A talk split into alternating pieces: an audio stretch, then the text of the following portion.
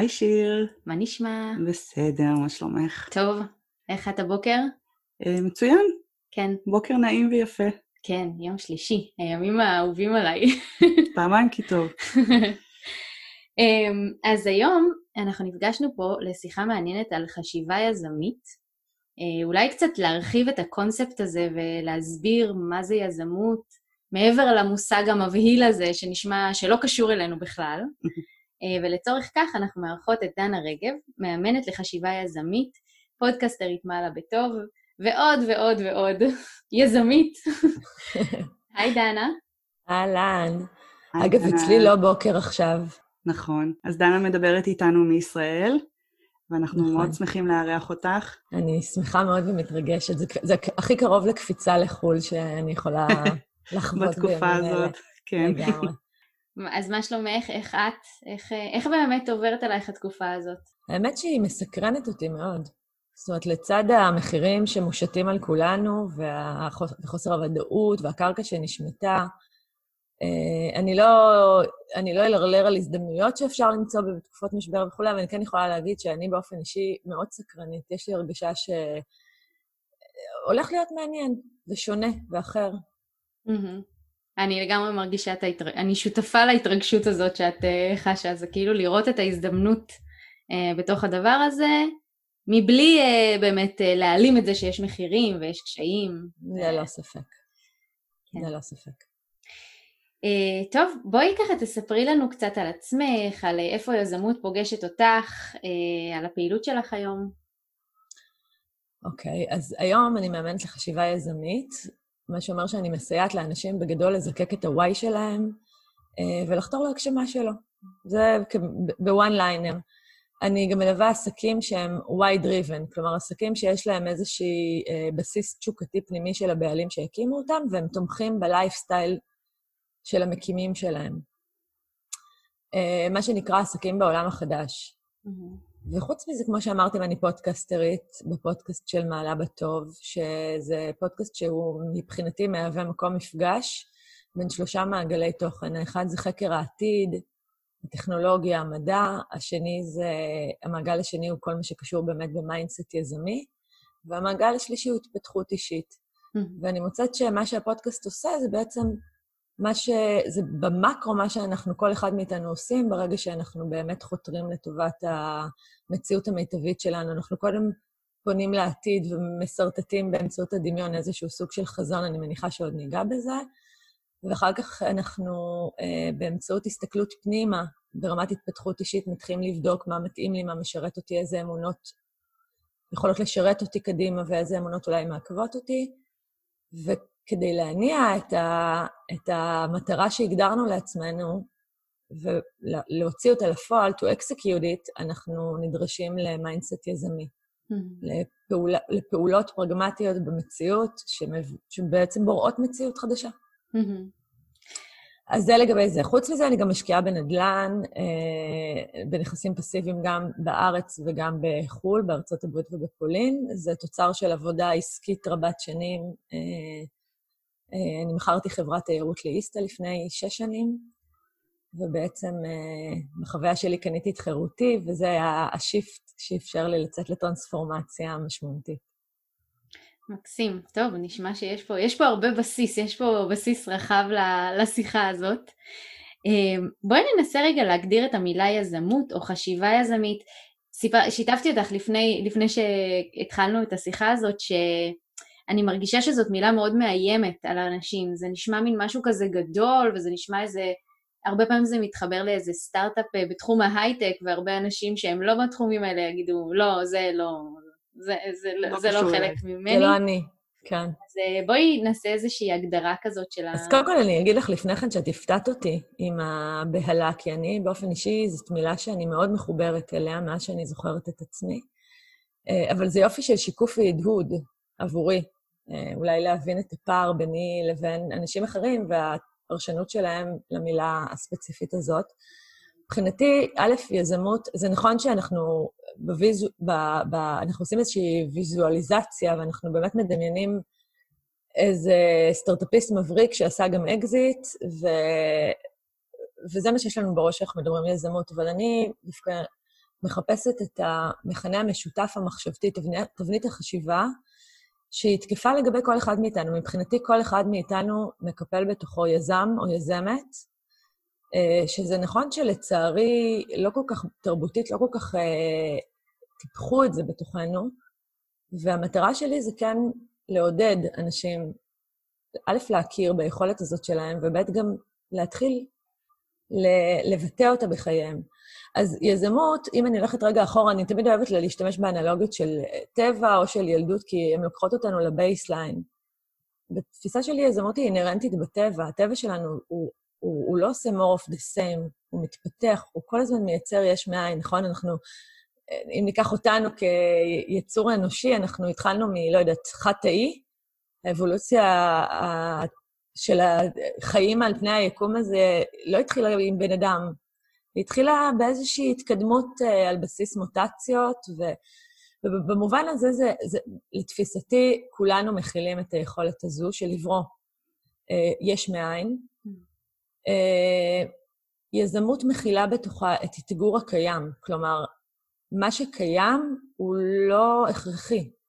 ותכף נדבר אולי על מה מאפיין יזם, באמת הנושא הזה של uh, אתגור פרדיגמה, אתגור קונבנציה, אה, הוא מאוד משמעותי ליזמות. והדבר האחרון אולי זה באמת היכולת לשרטט מציאות מדומיינת. כלומר, להצליח לראות משהו שעוד לא קיים ולזהות אותו כאפשרי. Mm-hmm. אז את שאלת מה זה חשיבה יזמית, אז אני, אני עשיתי עם עצמי ככה סוג של אפיון לגבי מה, מה, מה בעצם הקו המנחה בין כל היזמים שלי יצא לפגוש ולהכיר, ואגב, ממש, אני לא מדברת רק על סטארט-אפיסטים, יזמות יכולה להתרחש בכל השדות של החיים, בחינוך, בהורות, בזוגיות. אה, ואגב, אם תרצו דוגמאות, אז רק תגידו, אבל באופן עקרוני, באמת יזם מתחיל משיבוש, הוא מאתגר פרדיגמות. הוא מזהה משהו, איזשהו, לא יודעת, כלל, נוהג, והוא שואל, למה? האם זה הכרחי, אולי יש דרך אחרת. אפשר להגיד אפילו במילים אחרות שהוא קצת, קצת עובד בניגוד למה שלימדו אותנו לעשות, שזה את מה שצריך. הוא, הוא שם את מה שצריך בצד והוא שואל שאלות אחרות. הוא שואל, האם באמת צריך את מה שלימדו אותי שצריך? Hmm. הדבר השני, בדרך כלל יזמים הם בעלי חזון. זאת אומרת, הם אנשים שבאמת, כמו שאמרנו, באמצעות ה, אה, כוח הדמיון, שהוא באמת כוח משמעותי שכלי שכולנו מחזיקים בו, הם מצליחים לברוא מציאות שטרם קרתה, הם מצליחים לראות אותה. יזמים בדרך כלל מאוד מחוברים לרצון שלהם, הם אנשים עם מוטיבציה פנימית חזקה, עם תשוקה בוערת. אה, הם יודעים מה, מה, מה, מה זה הדבר, מה זה הבעירה הזאת שמובילה אותם קדימה, יש איזה אש. אה, הם מנהיגים, הם מצליחים לרתום אנשים לרעיון שלהם, יש להם מיקוד שליטה פנימי. זה אומר שבדרך כלל יזמים לא כל כך סופרים אוטוריטות. אגב, כשעשיתי את האפיון הזה, פתאום הבנתי, נפל לי ככה אסימון משמעותי, שכולנו מכירים, אתם יודעים, את ההגדרה היום לגבי ילדים עם הפרעות קשב וריכוז, mm-hmm. מה שפעם היה המפריע בכיתה, הילד המופרע של הכיתה.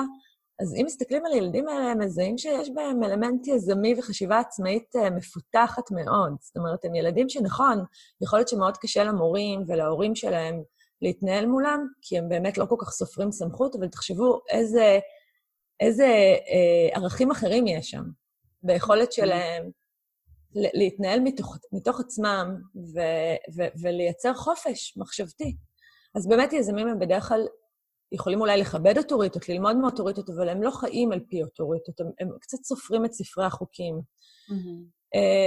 הם בדרך כלל סוכני שינוי, שזה נגזרת של כל מה שאמרנו כאן, כי הם מאתגרים פרדיגמות, כי הם מדמיינים מציאות אחרת. אז הם באמת אנשים שבדרך כלל, מה, מה שאפשר לומר עליהם מאוד, זה שהם מאוד נוח להם במתיחת אזור הנוחות. Mm-hmm. זאת אומרת, אם יש משהו שאולי פחות נוח להם בו, זה אלמנטים של שגרה. כי... את, את חושבת שאפשר ללמוד להיות יזם? אפשר לפתח את היכולת הזאת? אם את אומרת שזה קיים בעצם בכל אחד מאיתנו באיזשהו אופן, אני בטוחה שהמון יסכימו שיציאה מאזור הנוחות היא קשה. אמ, זה משהו שהוא נרכש, נלמד? אה, זה רק משהו שנולדים איתו? כי... אני חושבת שזאת יותר היזכרות מלמידה. אני חושבת בעצם שזה קצת אפילו בחזקת unlearning. Mm-hmm. לי נדמה שלכולנו יש את המוטיב הזה. אני חושבת שאני... אני, אני לא רוצה שזה יישמע כאן כמו איזה סוג של אה, קונספירטיביות, כי אני מן הסתם חיה בתוך חברה, ואני תוצר של חברה, ואני גם מבינה את הערכים ש...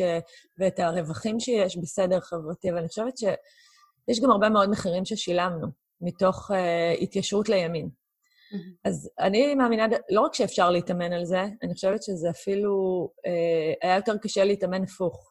Mm-hmm. זאת אומרת, להתיישר לתוך מסגרת מאוד קולט וכובלת.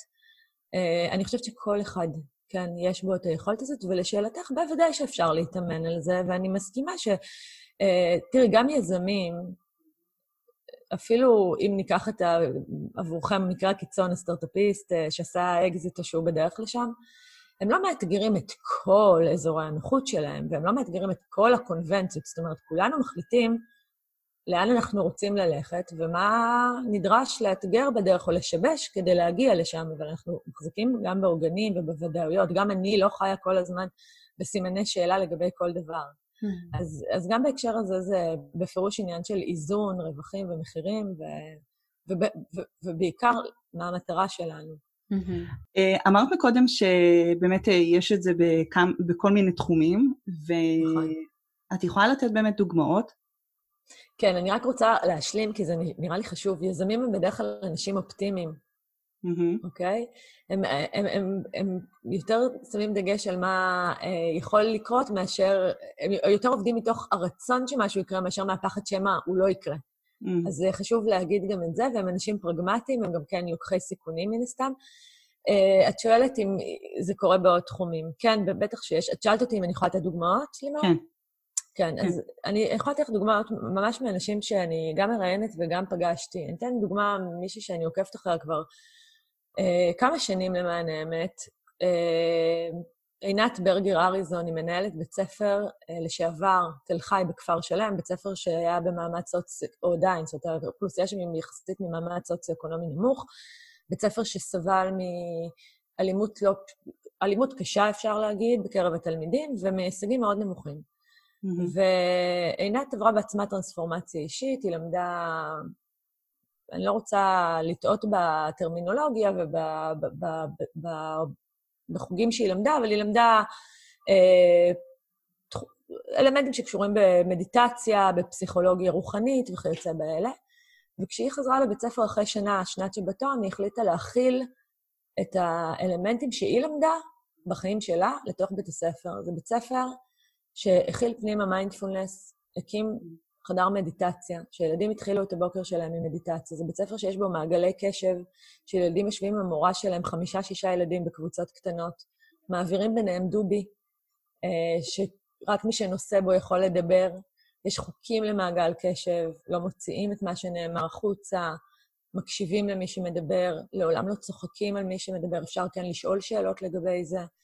אה, ומה שמדהים אני מקצרת כי יש שם עוד הרבה מאוד אלמנטים, מן הסתם, שמה שמדהים זה שהמיומנויות הרכות האלה, שאפשרו לילדים להסתכל פנימה על עצמם, ואגב, במעגלי קשב נשאלות שאלות לא פשוטות, כמו איך זה מרגיש שאבא ואמא ערבים, mm-hmm. או איך מרגיש ילד שההורים שלו גרושים, או איך מרגישה ילדה שאיבדה את אימה. Mm-hmm. אה, לא מתחמקים מה, מהכאב. כן. והבית ספר הזה בתוך עשר שנים הפך להיות אחד משלושת בתי הספר המובילים בישראל ברמת ההישגיות שלו, בממוצע בבחינות המיצב ובאקלים החברתי שלו. אז מבחינתי זו דוגמה ליזמת יוצאת דופן בתחום שהוא מאוד לא הייטקי והוא מאוד לא, אה, נגיד, מתבקש, שעשתה, יצרה יש מאין ולימדה את כולנו שלמצוינות לא בהכרח מגיעים מזה שלוחצים אה, ילדים ללמוד עוד, או מעוד שיעורי מתמטיקה, או מחוגים ברובוטיקה, mm-hmm. אלא דווקא מתוך המקומות הרכים יותר, שמסתכלים פנימה. אז זה מאוד מתחבר לי לזה שאני חושבת ש... אמ, יזמות היא קשורה מאוד לביטוי עצמי. זה כאילו להביא את עצמך ואת הייחוד שלך ואת מה שלמדת, את עולמות התוכן שלך, לפעמים לתוך מסגרת אחרת או לתוך דבר אחר שזה לא היה קיים שם עדיין. זה לא היה עדיין בשיח בעולם החינוך ברמה הזאת. נכון. אז, אז אני רואה קשר הדוק את צודקת מאוד. אני רוצה להעיר על זה מעוד נקודת מבט. בוודאי שחייבים להסתכל פנימה, וזה חייב להיות מחובר לעצמך, כיוון שיש כל כך הרבה מחירים אחרים ליזמות, שאם אין את הבעירה הפנימית הזאת, יהיה לך מאוד קשה להתמיד בדרך. ולמה אני מתכוונת? מן הסתם, ברגע שאתה סוכן שינוי ואתה מביא משהו אחר, צריך להבין, יש התנגדויות. זאת אומרת, להזיז את הגבינה לאחרים זה לא משהו שמתקבל במחיאות כפיים ובשטיח אדום. אז, אז אתה צריך מאוד להאמין בזה. בואי באמת נדבר רגע על הקשר בין יזמות ל-well-being. אה, דיברת קודם על האתגרים בלהיות יזם ולהביא את עצמך לידי ביטוי. אה, איך זה בעצם, איך בעצם כן לתת, להביא לידי ביטוי את עצמי, את האותנטיות שלי, אה, תורם ל-well-being? אוקיי, okay, זו שאלה מצוינת. כשאני, תראה, אני חוקרת אושר כבר הרבה זמן, וכל הנושא הזה של אושר הוא טריקי וחמקמק מאוד, כי זה מושג שהוא באמת, אה, הוא, הוא, הוא מאוד דינמי. זאת אומרת, אף אחד מאיתנו, כשמדברים על אושר, לא מדברים על איזושהי נקודת high רגעית בזמן. כולנו חווים את כל מנעד הרגשות, אנחנו לא כל הזמן רק אה, שמחים ומאושרים. ובאמת, אושר בהגדרה, נגיד, המקובלת של זה, שלו, אמ, מוגדר מהנאה פלוס משמעות, נכון? ככה אנחנו מכירים את זה. Mm-hmm. אז כשאנחנו חוקרים ואנחנו רואים, ובאמצעות, אגב, שאלונים סובייקטיביים, אה, מתי אנשים הם אה, יותר מאושרים, או מתי רווחת החיים שלהם עולה, אנחנו מוצאים שיש שם כל מיני ערכים שבאים לידי ביטוי, כמו לדוגמה, אה, באמת היכולת שלהם לדעת מה הם רוצים, mm-hmm. אוקיי? העובדה שהם מחוברים לרצון שלהם, שהם מחוברים לעצמם. כמו לדוגמה העובדה שהם מרגישים שהם תורמים לאחרים.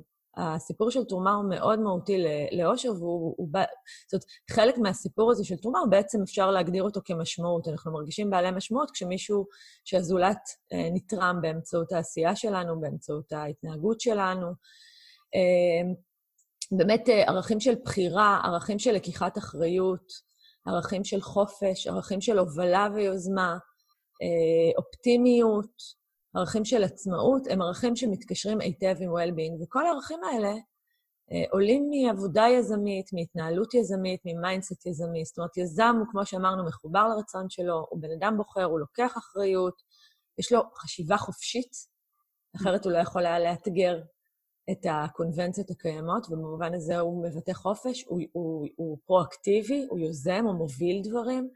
אופטימי, כמו שאמרנו, אז באמת, מבחינתי זה, אני לא אגיד שזו מילה נרדפת, אבל, אבל אפשר להגיד שזה כמעט האמצעי להשגת well-being. mindset יזמי הוא mindset שעובד היטב עם אנשים שבפירוש מדווחים על well-being, כן.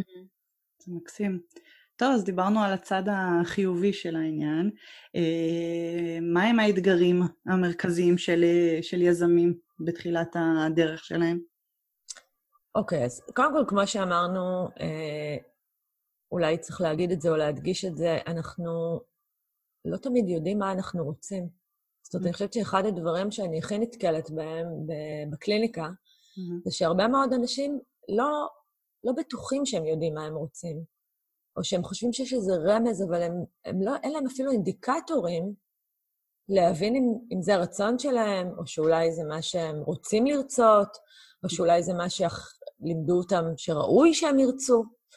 אה, בין השאר, כמו שאמרנו בתחילת הדברים, אנחנו התחנכנו לתוך מסגרות מאוד מאוד אה, סוגרות, שסיפרו לנו אפילו מה אנחנו אמורים לרצות. אנחנו אמורים ללמוד, אנחנו אמורים בישראל ללכת לצבא, אנחנו אמורים ללמוד באוניברסיטה, אנחנו אמורים להתחתן, להביא ילדים, משכנתה, טללה, ויש לנו כאילו כבר חיים פרוסים לפנינו. אז, אז נתחיל מזה שהרבה אנשים בכלל מאותגרים במובן הזה, שהם מאוד רוצים להתחבר לאיזושהי תשוקה, שיש להם תחושה של או תקיעות, או ריקנות, או חוויה של uh, מין, מין אדישות כזו, אפת, אפתיות לחיים.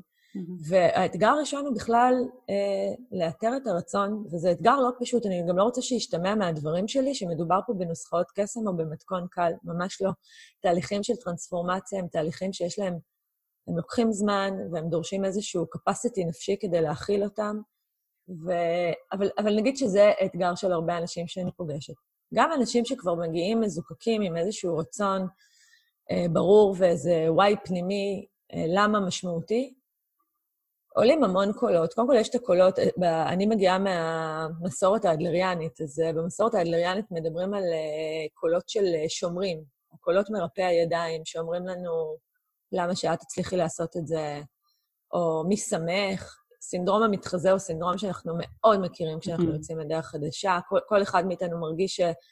למה שאני כאילו אדבר על זה, או למה שיבואו אליי, או למה שיהיו לי לקוחות. יש כל כך הרבה טובים ממני. כן, מי אני ש... לגמרי. היום כשאנחנו רואים את כולם כבר ברשתות החברתיות, וככה בעולם החדש עם כל המדיה זה כאילו, יש הצפה כזאת של, יש כל כך הרבה אנשים שעושים את זה נהדר, אז למה, אז מה... מה אני מבינה? מזה, אתה, אתה גם חווה רק את הצד החיובי של אה, הנראות של אותם אנשים אחרים. אצל האחרים הכל נראה מאוד מאוד ורוד. אגב, הילדים שלהם בתמונות סטילס בפייסבוק הם ש- שתוקים, לא מטפטפים, כן. ממש מנומסים ומחויכים. אז אין ספק שזה מייצר הרבה מאוד הטיות מחשבתיות.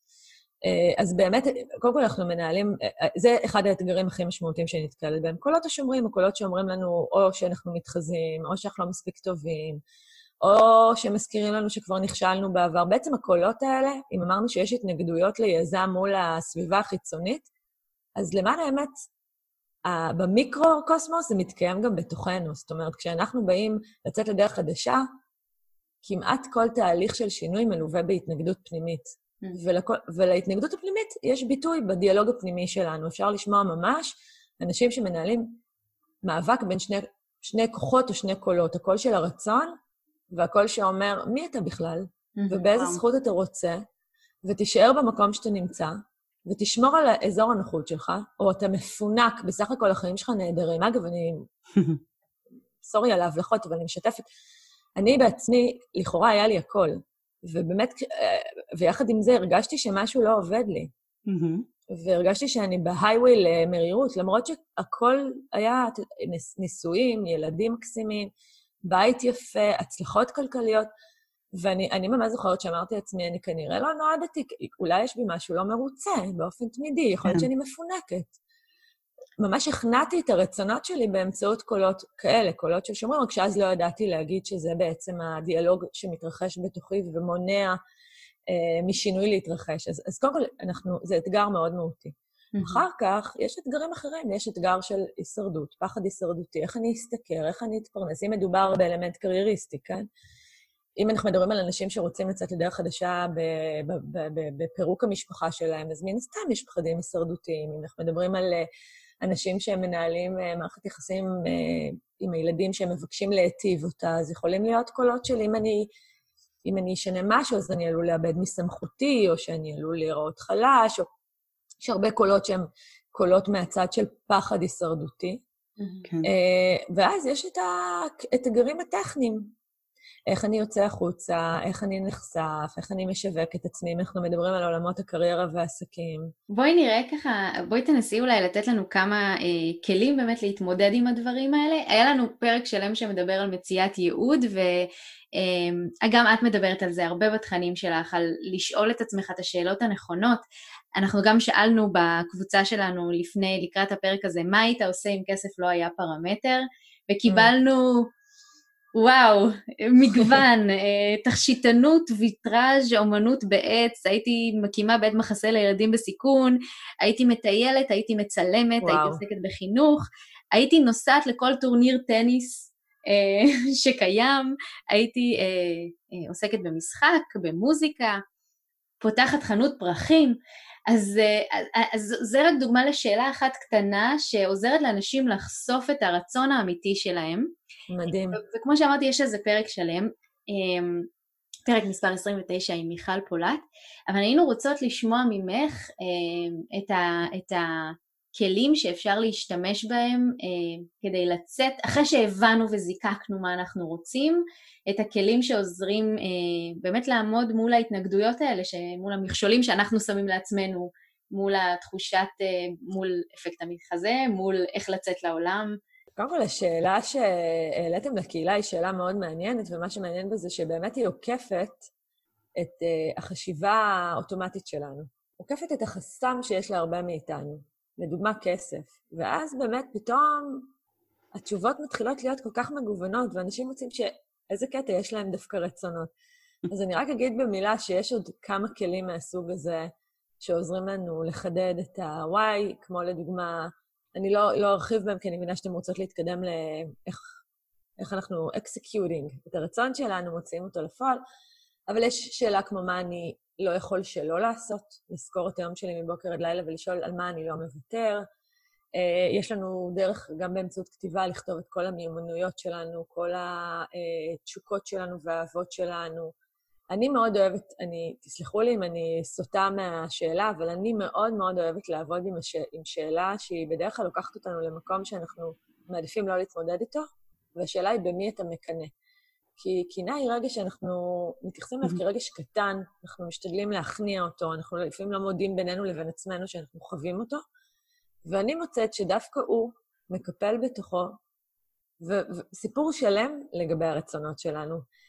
רובנו לא מקנאים בכולם, או בכל מצליחן. זאת אומרת, לא, את לא, תמצ, לא תמצאו הרבה אנשים שמקנאים דווקא בפרופסור לפיזיקה, שעשה איזה מחקר לאחרונה בתחום הפיזיקה הקוונטית. אז הקנאה שלנו היא בדרך כלל מספרת לנו על מקומות שאנחנו ככל הנראה מתעניינים בעצמנו, מדברים עם תחומי עניין שלנו, יש לנו הרגשה שגם אנחנו יכולים, והם מספרים סיפור מעניין מאוד, אז אני מאוד אוהבת לשאול את השאלה הזו. Uh, כמובן, כל הנושא של ילדות, צריכים להבין, בתפיסה שלי, אנחנו ככל הנראה כבר...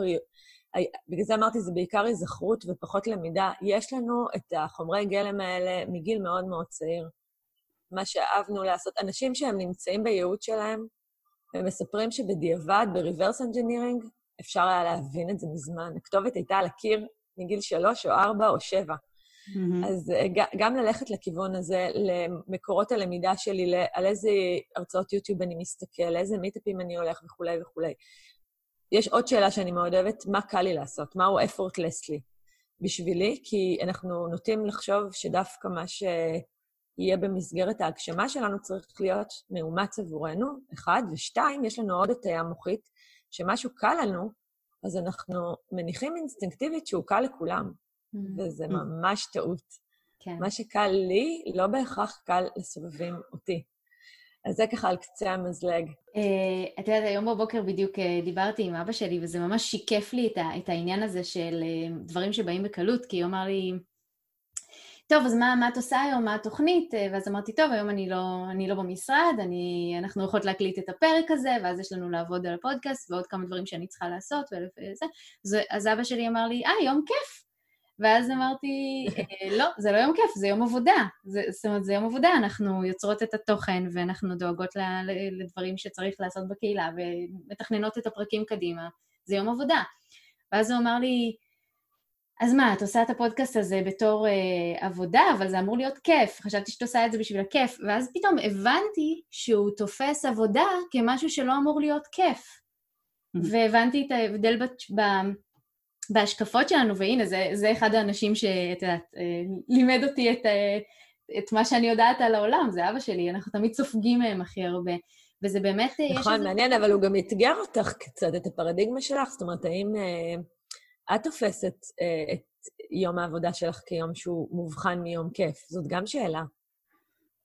אה, אני, אני חושבת שזה מתמזג, כשזה, כשזה אמ, בתחומים האלה של, ה, של התפתחות אישית ושל הפודקאסט ושל אמ, תת מודע וכל הנושאים האלה, זה, אני לגמרי מרגישה שאני, עבוד, שאני בעבודה כי אני עושה את זה, כי חשוב לי לעשות את זה בצורה מקצועית ו, ולהתקדם אוקיי. וללמוד, ומצד שני אני מאוד מאוד נהנית מזה, אז... אמ, אז שניכם צדקתם. נכון. זה מעניין, זה מעניין. הנושא הזה של ההשתקפות אה, זה... זה מעניין, אני צריכה לחשוב על זה עוד קצת. כן, אבל, אבל באמת הנושא הזה של קל לנו, זה, זה, זה מאוד טריקי, כי אנחנו נוטים לזלזל במה שקל לנו. אנחנו אפילו לא מעריכים את זה כמשהו שיש בו ערך.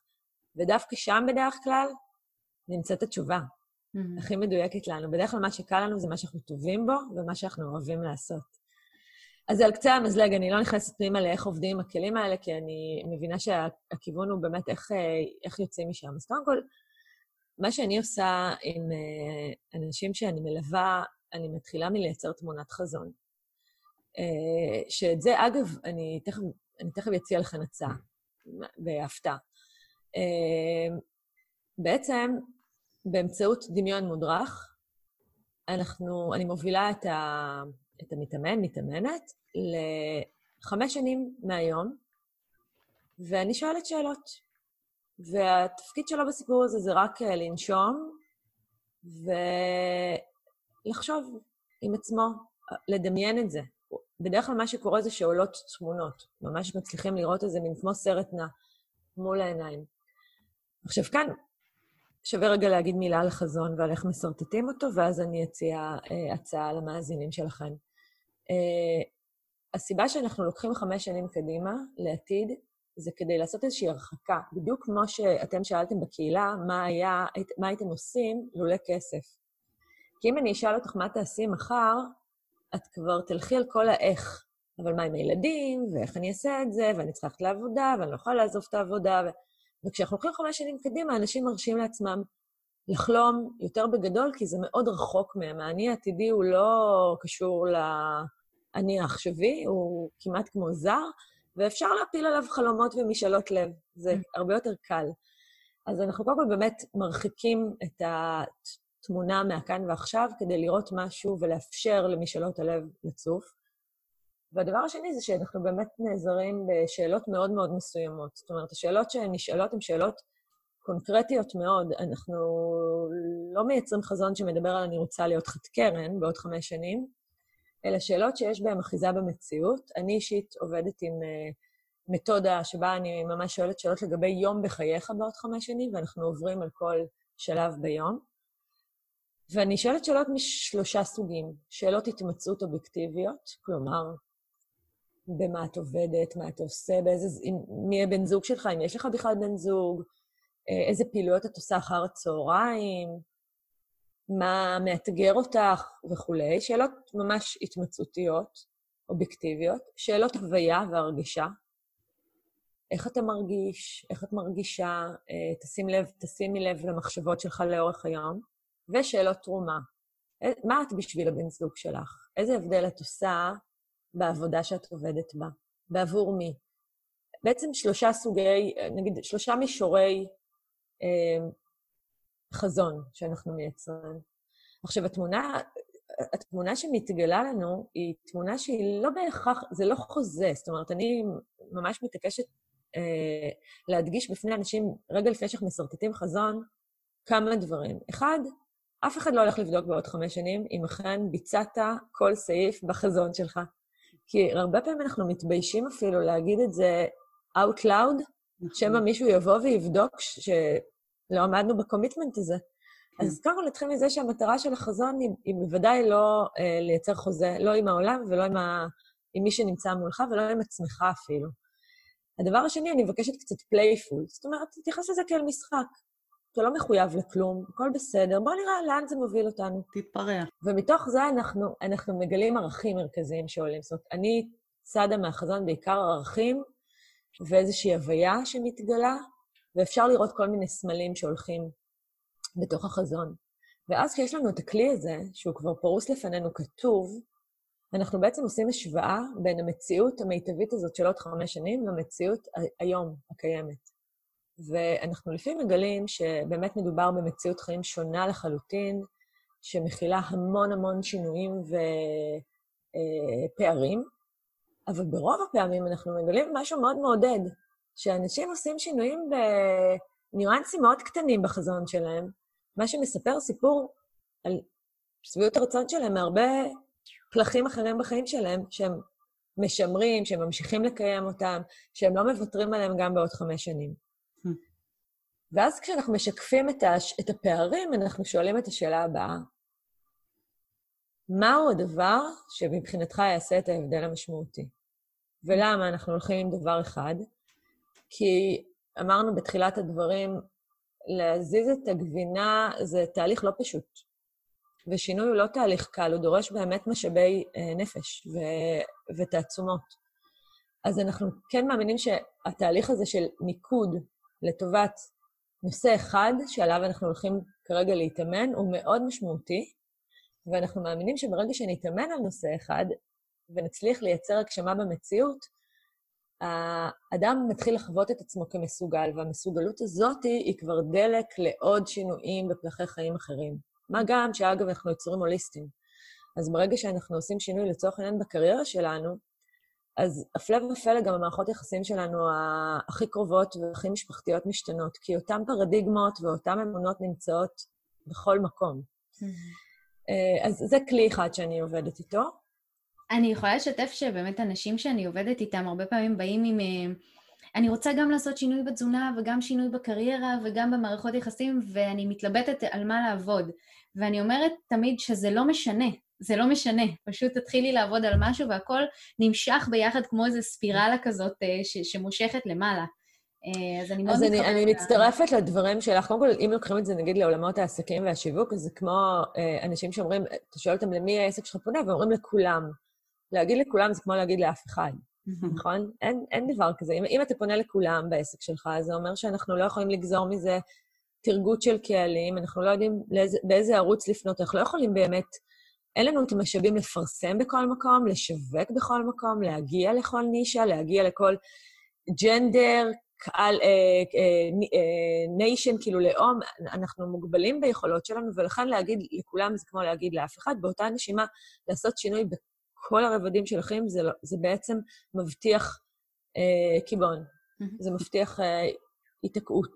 Mm-hmm. ולכן, כדי לייצר תנועה, אנחנו מאמינים מאוד ששווה להתמקד.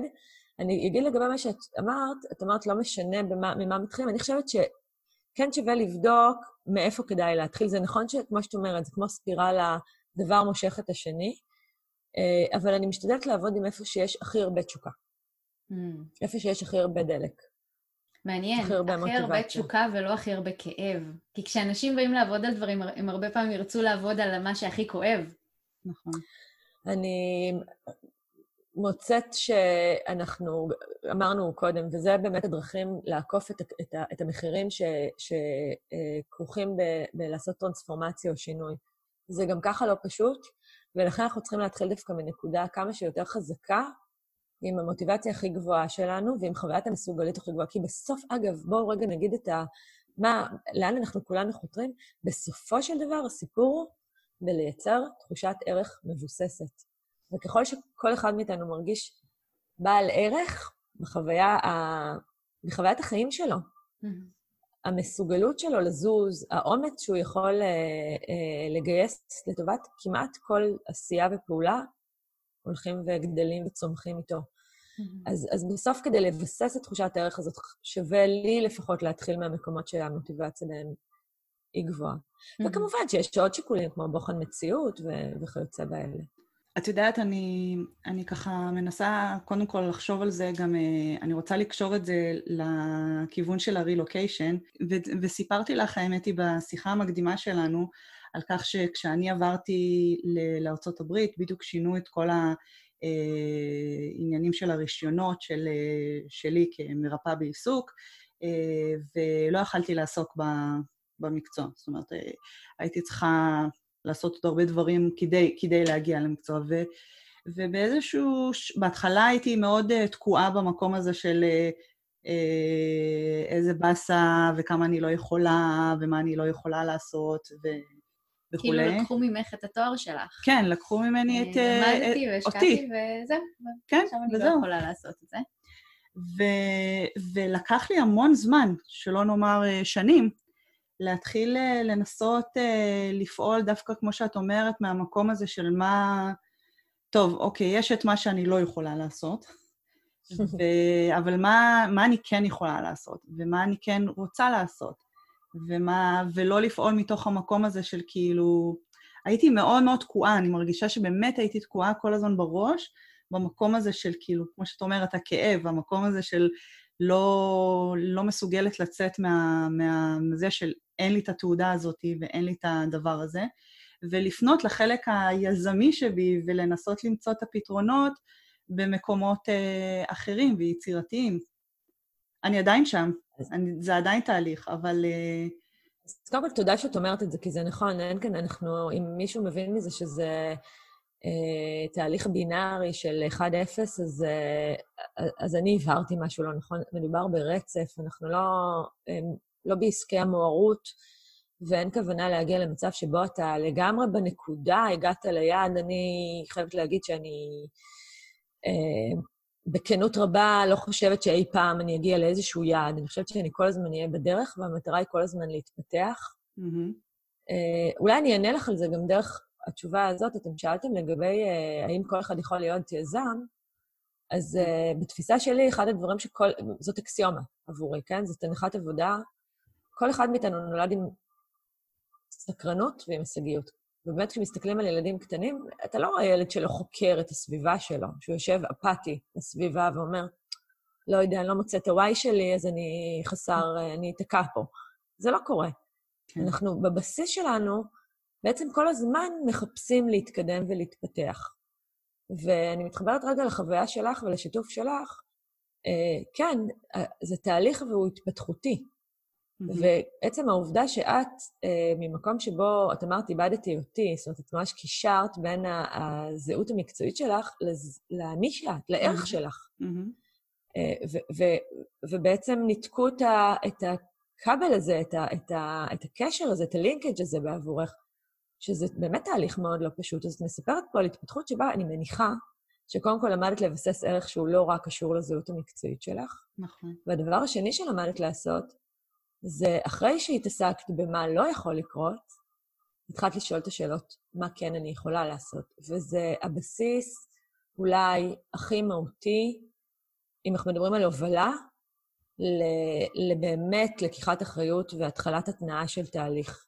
במקום להתרכז במה לא, אנחנו מתחילים לשאול מה כן. אגב, בשפה האימונית זה נשמע לפעמים כמעט מעצבן, אבל אנחנו כל הזמן עושים reframing. יכולה לשבת מולי מתאמנת ולהגיד לי, אני לא רוצה, אה, אני לא רוצה לצעוק על ילדים. ואז אני אשאל אותה, אז מה כן את רוצה? Hmm. מה כן את רוצה לעשות מול הילדים? תגיד לי, אני לא רוצה להתעצבן, אז מה כן את רוצה להרגיש? וזה יכול להיות כמו loop מעצבן כזה, אבל המטרה היא באמת לכוון את, את המוח למחשבה אחרת, חדשה קצת.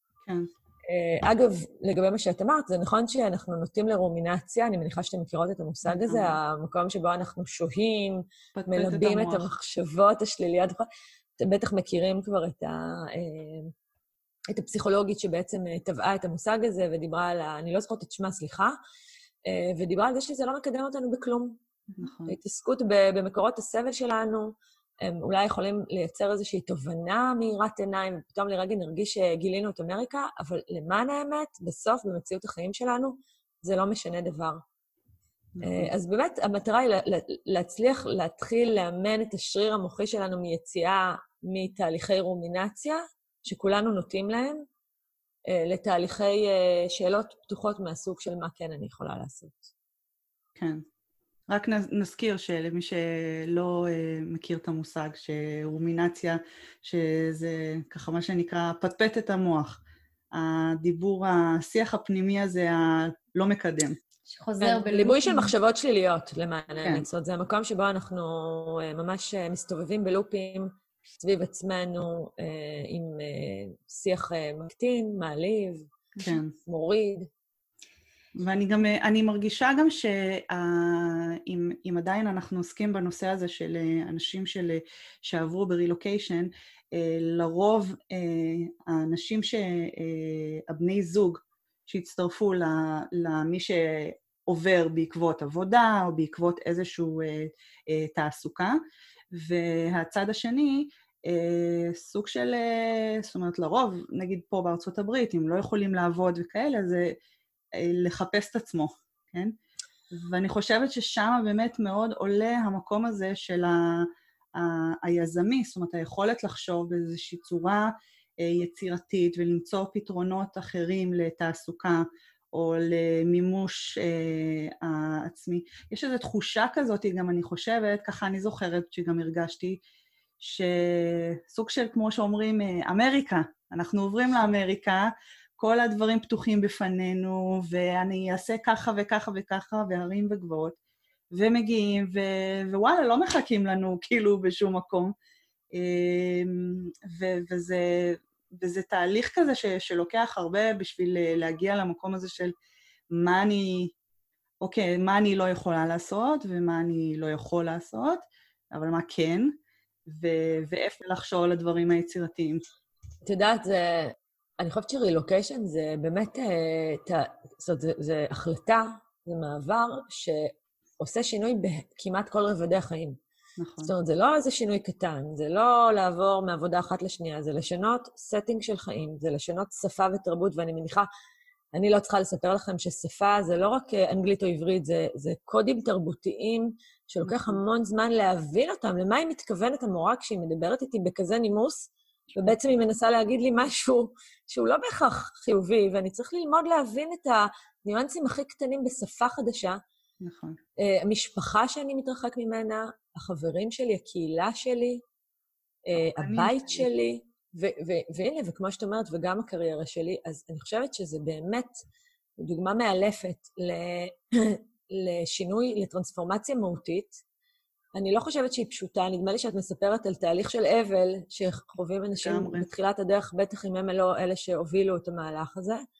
והאבל הוא הכרחי והוא הרבה פעמים מתבקש, והוא תהליך שאנחנו, כשאנחנו, אין לנו אלא לעבור אותו ויש לו איזה שהם שלבים ש, כן.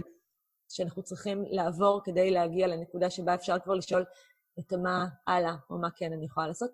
אני חושבת, ואני מקווה שאני לא מכילה עלייך אה, בפטרונות ובחוצפה, משהו שאת לא תסכימי איתו, שיש בזה צמיחה מאוד מפוארת. בסופו של דבר, אחרי שכבר חווים את ה... באמת, אני מניחה קושי שכרוך בזה, מהמם. כיוון שאנחנו יודעים היום שגם אם אנחנו נצחצח שיניים ביד שמאל, בהינתן שאנחנו ימניים, זה כל כך קשה, זה כל כך לא פשוט. כן. והחיווטים שקורים במוח, הקשרים הנוירונים החדשים שנוצרים מעצם העובדה שאנחנו מצחצחים שיניים ביד אחרת, הם אחרים, נוצרת רשת חדשה של קשרים. אז תחשבי מה קורה שבן אדם מעביר את עצמו, משנה את עצמו, משעתק את מקומו למקום, למחיית חיים אחרת, לאקו-סיסטם אחר. אני מניחה שזה אפשר לך לייצר מפה מוחית חדשה לחלוטין. לגמרי. לגמרי מסכימה. תיאור מדויק. כן. אמ, אז אני מחזירה אותנו רגע לשיחה על הכלים אה, להתמודדות עם אתגרים. דיברנו על בניית חזון. אמ, אני יכולה להציע גם עוד דרך אחת לעבוד עם חזון, זה מעבר לדמיון מודרך, ואפשר גם לעשות את זה בכתיבה. אמ, דרך אחרת לעשות את זה יכולה להיות אפילו הקלטה. אה, להקליט את עצמנו מספרים איך היום, יום בחיי בעוד חמש שנים, אה, ולהאזין לזה בצורה חזרתית. אה, אני, עוד דבר אחד שאולי, אה, לפחות מאיך שאני עובדת עם חזון, זה עבודה חזרתית. זאת אומרת, זה לא איזה משהו שבונים אותו פעם אחת וזהו. אה, נכון. אני חושבת שחזון זה באמת כלי מאוד טוב, כי הוא בעצם, הוא כמו להגדיר ל-GPS את היעד. זה אוקיי, לשם אני רוצה להגיע, אה, ואיזושהי הגדרה, ונכון, אני מסכימה עם מה שאמרת, דנה, לגבי זה שזה לא אחד לאחד. אה, כנראה, אה, לי יש תמיד כזה איזה vision של איזה בית, ויש לי חלון כזה מאוד גדול בחדר שינה, ורואים ממנו חורשה.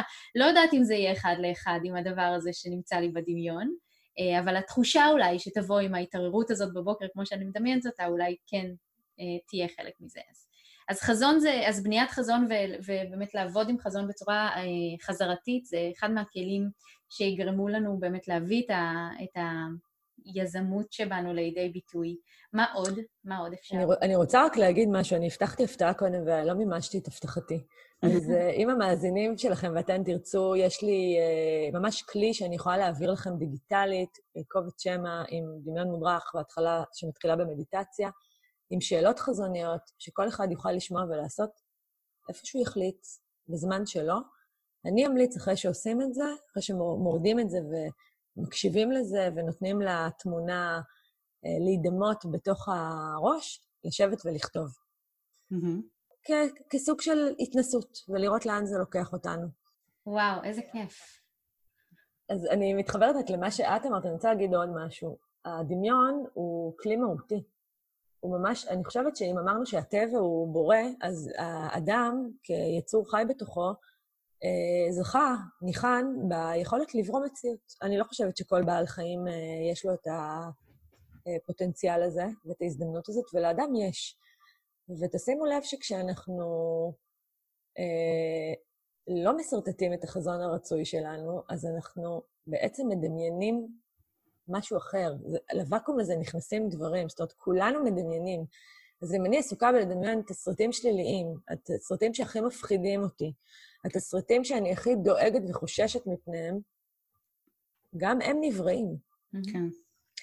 אה, אז באמת, הדרך הזאת היא מאפשרת לנו באופן יותר מבוקר לשלוט בכוח הדמיוני שלנו למטרות חיוביות וטובות. אה, שאלת על עוד כלים. אז אחרי שאנחנו עושים חזון, מה שאני מאוד אוהבת לעשות, זה אמרנו שאנחנו בוחרים פלח אחד, החלט, איזשהו נושא. נושא אחד, שהוא הנושא שאנחנו מאמינים שיעשה את ההבדל המשמעותי כרגע בחיינו. זה יכולה להיות uh, באמת uh, הקריירה שלנו, או בניית עסק, אבל זה גם יכול להיות אלמנט uh, בזוגיות שלנו, בין אם למצוא זוגיות ובין אם לשפר את הזוגיות הקיימת. או כל תחום אחר, אגב, התנהלות כספית, אורח חיים בריא, הורות וכיוצא באלה. ברגע שהתקבלה החלטה לגבי הנושא, אנחנו מתחילים לייצר מפה. מה זה אומר? אנחנו כותבים את המצב הנתון, כרגע, המצוי. היום אני, לצורך העניין, עובדת ב-X, משתכרת ככה וככה, עובדת כמות שעות Y, אה, יש לי כפיפים, או שאני כפופה ל... ממש מפרטים את כל תמונת המצוי שלי mm-hmm.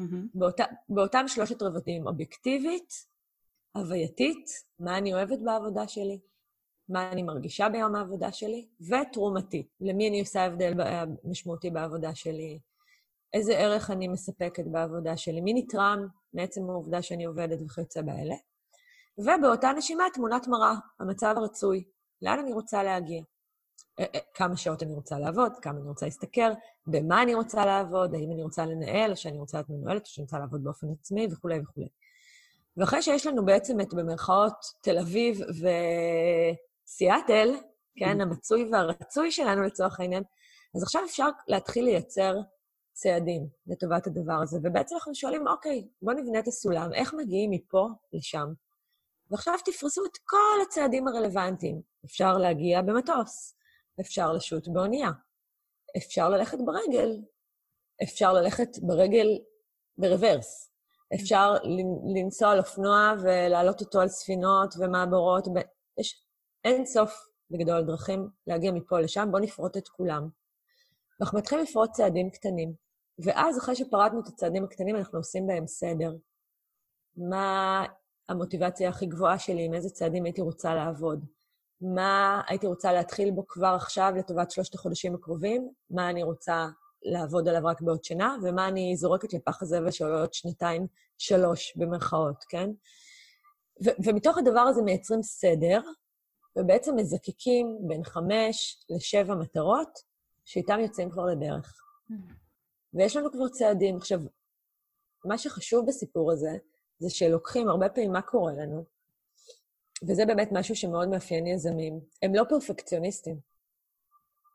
כי כשאנחנו רואים איזושהי תמונת uh, חזון מיטבית שלנו, אנחנו יכולים פתאום נורא להיבהל ממנה. אני לא יודעת, מדמיינת את עצמי היום מנהלת עסק ענק, או פותחת את הסטארט-אפ שלי, הטכנולוגי, ו... ו- ו- ו- ומגייסת משקיעים ומגייסת עובדים וכולי, ופתאום כשאני רגע מתחילה לחשוב על איך, על פורטת את זה לצעדים, זה יכול מאוד להלחיץ, כי אני לא מצליחה להבין איך צונחים לתוך הפסגה הזאת, איך, איך מצליחים לכבוש את ההר הזה.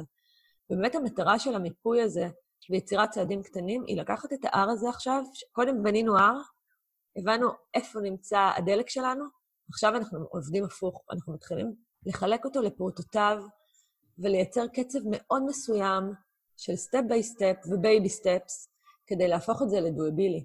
Mm-hmm. כי אחרת אנחנו עלולים להימנע. זאת אומרת, אם אנחנו מזהים שהתמונה היא רחוקה מדי מאיתנו, אנחנו עלולים להניח לה תחת הכותרת, זה לא בשבילי, זה גדול עליי. Mm-hmm. אז אנחנו בעצם מנסים להפוך את זה למשהו הרבה יותר אה, נגיש וקטן. אה, חוץ מזה, תראי, יש עוד המון המון צעדים. אני, אגב, לא אמרתי, אבל הצעדים האלה הם מטרות שאנחנו מגדירים אותן כמטרות סמארט. זאת אומרת, הן מטרות שהן אה, מדידות, הן ניתנות להשגה, הן רלוונטיות לחזון, הן בקבועי זמן מסוימים מאוד ספציפיות. אנחנו לא מתאמנים על אני רוצה לאהוב את עצמי. Mm-hmm. זה לא מטרה קונקרטית. אני לא יודעת למדוד כמה אתה אוהב את עצמך היום וכמה אתה אוהב את עצמך מחר. ואני יכולה לשאול אותך את השאלה, כשתאהב את עצמך, מה תעשה שאתה לא עושה היום? Mm-hmm. ואם אתה תספר לי שכשאתה אוהב את עצמך, אז אתה מתחיל עם בחורות יותר ממה שאתה היום, אז, אז אוקיי, אז בוא נראה איך מתחילים עם בחורות. Mm-hmm. או לחילופין, אם כשאתה אוהבת, או כשאת אוהבת את עצמך, אז את אה, אה, מרשה לעצמך אה, אה, לפרסם את מה שאת עושה בפייסבוק, אז אוקיי, אז בוא נבדוק איך אפשר את זה לעשות. Mm-hmm. אה, אז זה גם מאוד חשוב. הדבר הנוסף שאני מאוד... אה, אני אומרת אותו בזהירות, כי זה לא תמיד רלוונטי וזה לא רלוונטי לכל מטרה, זה לייצר נאג'. שנאג' זה בעצם דחיפה קלה. Mm-hmm. זה בעצם לקבע אותי לאיזושהי מחויבות כלפי משהו חיצוני. אם אני החלטתי לצורך העניין שאני רוצה לקיים אורח חיים תזונתי בריא, אז יכול להיות שכדי אה, להבטיח את זה, כדאי שאני אעשה אחת לשבוע קניות שמכילות את כל הירקות והפירות שאני רוצה שיהיו בבית, ואני אולי בבוקר אחתוך סלט כדי שהוא יהיה לי זמין ואני לא אחטוף משהו שהוא פחות אה, בריא לטעמי, או שאני יכולה לבקש מחבר שנלך ביחד לעשות כושר, ויש עוד אינסוף דוגמאות אה, מהזן הזה. והאחרונה שבהם זה באמת לבחור לעצמי מסגרת, להבין ששינוי הוא הרבה יותר פשוט כשאנחנו מוכנים להבין שלבד זה, זה, זה, זה מועד לכישלון. לא, לא מוחלט, אבל, אבל יש משהו בעובדה שיש עוד מישהו לידי שצופה בי, שתומך בי, שמעודד אותי, שאני יכול גם אפילו להתגאות בפניו, או שאני מחויב לדווח לו, המסגרת הזאת היא מייצרת אה, באמת אה, מצוין להגשמה. אני אשתף אתכם, בתקופת הקורונה, כשהיינו כאן בסגר, אז אני באתי לליאור, לבן הזוג שלי, ואמרתי לו, פתאום הייתה לי ככה הבלחה של אה, הערה. אמרתי, רגע, אם אנחנו כל יום בבית, לא יוצאים ממנו, אז, ואני יודעת שהוא רץ, ואני לא, אז אולי תאמן אותי בריצה. תתחיל להריץ אותי. ואני ממש גאה לספר, אני לא פרסמתי את זה בשום מקום, אבל זה נורא משמח אותי שבעצם אני כבר ארבעה חודשים רצה בין 15 ל-20 קילומטר בשבוע. וואו, יפה. ואני באמת לא חשבתי שאני אגיע לזה. ואני ניסיתי לבד בעבר, ואני בכנות אה, יכולה להגיד שזה קורה בזכות העובדה שהוא לידי, אבל לא כי אני מתחרה בו, כי אין לי סיכוי מלכתחילה, אלא כי אני, אני, אני מתכתבת איתו. הוא, אני, אני לא, אני לא, אני לא, לא אתן לעצמי הנחות כשהוא לידי.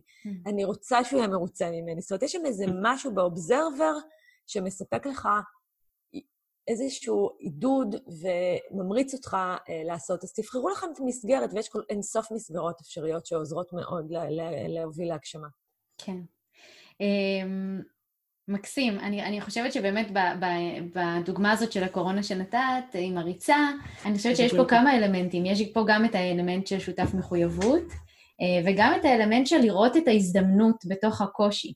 אה, כי אנחנו תקועים פה בבית, ומאוד מאוד קל, במקום לחשוב, אז אולי נתאמן בריצה, לחשוב, אז זה בסדר, אז, אז להיכנס למעגלים אחרים, או למעגלים של רומינציה, שאיזה באסה וכמה זה, ועכשיו גם את זה אי אפשר, ועכשיו גם את זה אי אפשר, וכל מיני נכון, מעגלים. ואגב, אגב, התפתחות, החוויה שלי הייתה שבאמת בזמן שלצורך העניין האטה בתחומים מסוימים בחיים שלי, בתחום הזה הייתה התפתחות משמעותית. Mm-hmm. וזה סיפק לי חוויה של באמת uh, גאווה. כן. על זה שהצלחתי, ויצאתי מאזור נוחות נוסף בחיי. אתגרתי עוד מקום. אני, אגב, תופסת את עצמי כפגלאה כרונית, אז עבורי זה הישג עצום. מדהים, מדהים, איזה כיף. טוב, אנחנו צריכות להתכנס לסיום. לא יאמן שהזמן עבר כל כך מהר. נכון. אה, אז אני אנסה ככה לסכם את מה שדיברנו ולהגיד שהגדרנו יזמות וחשיבה יזמית כאיזשהו אה, חיבור לביטוי עצמי, אה, ואיזוש... והסברנו את הקשר בין חשיבה יזמית לחופש ול-well-being. דיברנו קצת על האתגרים המרכזיים של יזמים בתחילת דרכם, בעיקר בתחום הזה של אתגור פרדיגמות וקונבנציות. דיברנו על כלים להתמודדות ועל הכלים שיכולים לעזור לנו להביא את עצמנו לידי ביטוי באותנטיות, אה, כמו בניית חזון, אה, והזכרת פה כמה כלים פרקטיים, קודם כל את הדמיון המודרך, שאני חושבת שזה נשמע לי, זה נשמע לי מקסים וממש ממש נשמח להתנסות ולשתף אותו הלאה. וגם אה, דיברנו על שותף מחויבות ועל לראות את ההזדמנויות ולפרק את, ה, את, ה, את הדרך לבייבי סטפס ולמטרות נכון. קטנות. יש עוד אה, משהו שתרצי לומר לסיכום? איך היה לך? היה לי ממש ממש כיף, והזמן באמת עבר בי אף. אה, זה נושא שאפשר לדבר עליו, אגב, לעד, והוא לוקח לכל כך הרבה אסוציאציות ומחשבות ודוגמאות, אז אנחנו נגענו בו במשורה, כן. אבל אני מאוד מקווה שאם אנשים יצאו עם הדבר הקטן הזה, שהם באמת יזמים מחובים או מבוטאים, אז הרווחנו את לחמנו. כי באמת בתפיסה שלי, אין שום סיבה שמישהו מאיתנו... אה, אני אגיד את זה אחרת. אה, אגב, משפט ששמעתי לא מזמן ואותי הוא מאוד עורר. כשאין לנו, כשאין לך חלום, אתה בעצם עובד בשביל החלום של מישהו אחר. Mm-hmm. אז, אה, ואני לא חושבת שמישהו ראוי שחייו יתבזבזו על הגשמת חלום של מישהו אחר. כן. אז אה, שווה, שווה, אני חושבת, שווה להתחיל לנער את התפיסה הזאת שאומרת שלא בכל, לא, לא כולנו יודעים מה אנחנו רוצים, בכל אחד יש רצון חבוי ותשוקה, וגם יכולת להוציא אותה לפועל. וואו, מדויק, סיכמת את זה ממש מדויק. Uh, תספרי לנו ככה איפה אפשר uh, לש... למצוא אותך, למצוא את עוד תכנים שלך. אז uh, תודה. קודם כל, uh, בקהילה בפייס של מעלה בטוב, אתם מוזמנים להיכנס, ואנחנו מפרסמים שם מאמרים ומחקרים וכתבות והרצאות, וגם את פרקי הפודקאסט של מעלה בטוב. אה, בכל אפליקציות הפודקאסטים אה, אפשר למצוא גם את אה, מעלה בטוב, והיא מאוד משיקה, אגב, לתכנים גם שלכם, ממה שיצא לי לראות ולשמוע. וחוץ מזה, אני מעבירה קורסים ב-IAC, אגב, ממש עכשיו התפרסם קורס לתושבי ארצות הברית, לישראלים בארצות הברית, שנקרא הקבוע היחיד הוא אני, בעולם שבו השינוי הוא אקספוזנציאלי, יש קבוע אחד והוא אני, ואנחנו באמת הולכים לחמישה מפגשים אה, של כלים לזיהוי האני הזה וחקר האני. אה, נראה לי שזה מספיק בינתיים, כן, אלה המקומות שאפשר למצוא אותי בהם. נהדר, ואנחנו נוסיף את הלינקים אה, בתיאור הפרק. בשמחה, ואני אשלח לכם גם את הקובץ הזה ככלי ליצירת חזון למי שמעוניין להתנסות. נהדר. אשמח. המון המון תודה, דנה, היה לנו תענוג. תודה רבה. תודה לכם על האירוח, היה כיף גדול. היה לנו כיף גם לארח אותך. שיהיה ערב מוצלח. אמן. ואנחנו נתראה בפרק הבא. יאללה ביי. ביי ביי. אם אהבתם את הפרק הזה, שתפו אותו עם חברים שלכם, או עם כל אחד שנראה לכם שזה יכול להיות רלוונטי עבורו. ואם יש לכם הערות, שאלות, הצעות, רעיונות, כל דבר אחר שתרצו ליצור איתנו קשר לגביו, אנחנו מזמינות אתכם להיכנס לקבוצה של חיות רילוקיישן הקבוצה, או בעמוד של חיות רילוקיישן בפייסבוק. ספרו לנו מה חשבתם, מה הייתם רוצים לשמוע יותר, ואנחנו ניפגש בפרק הבא.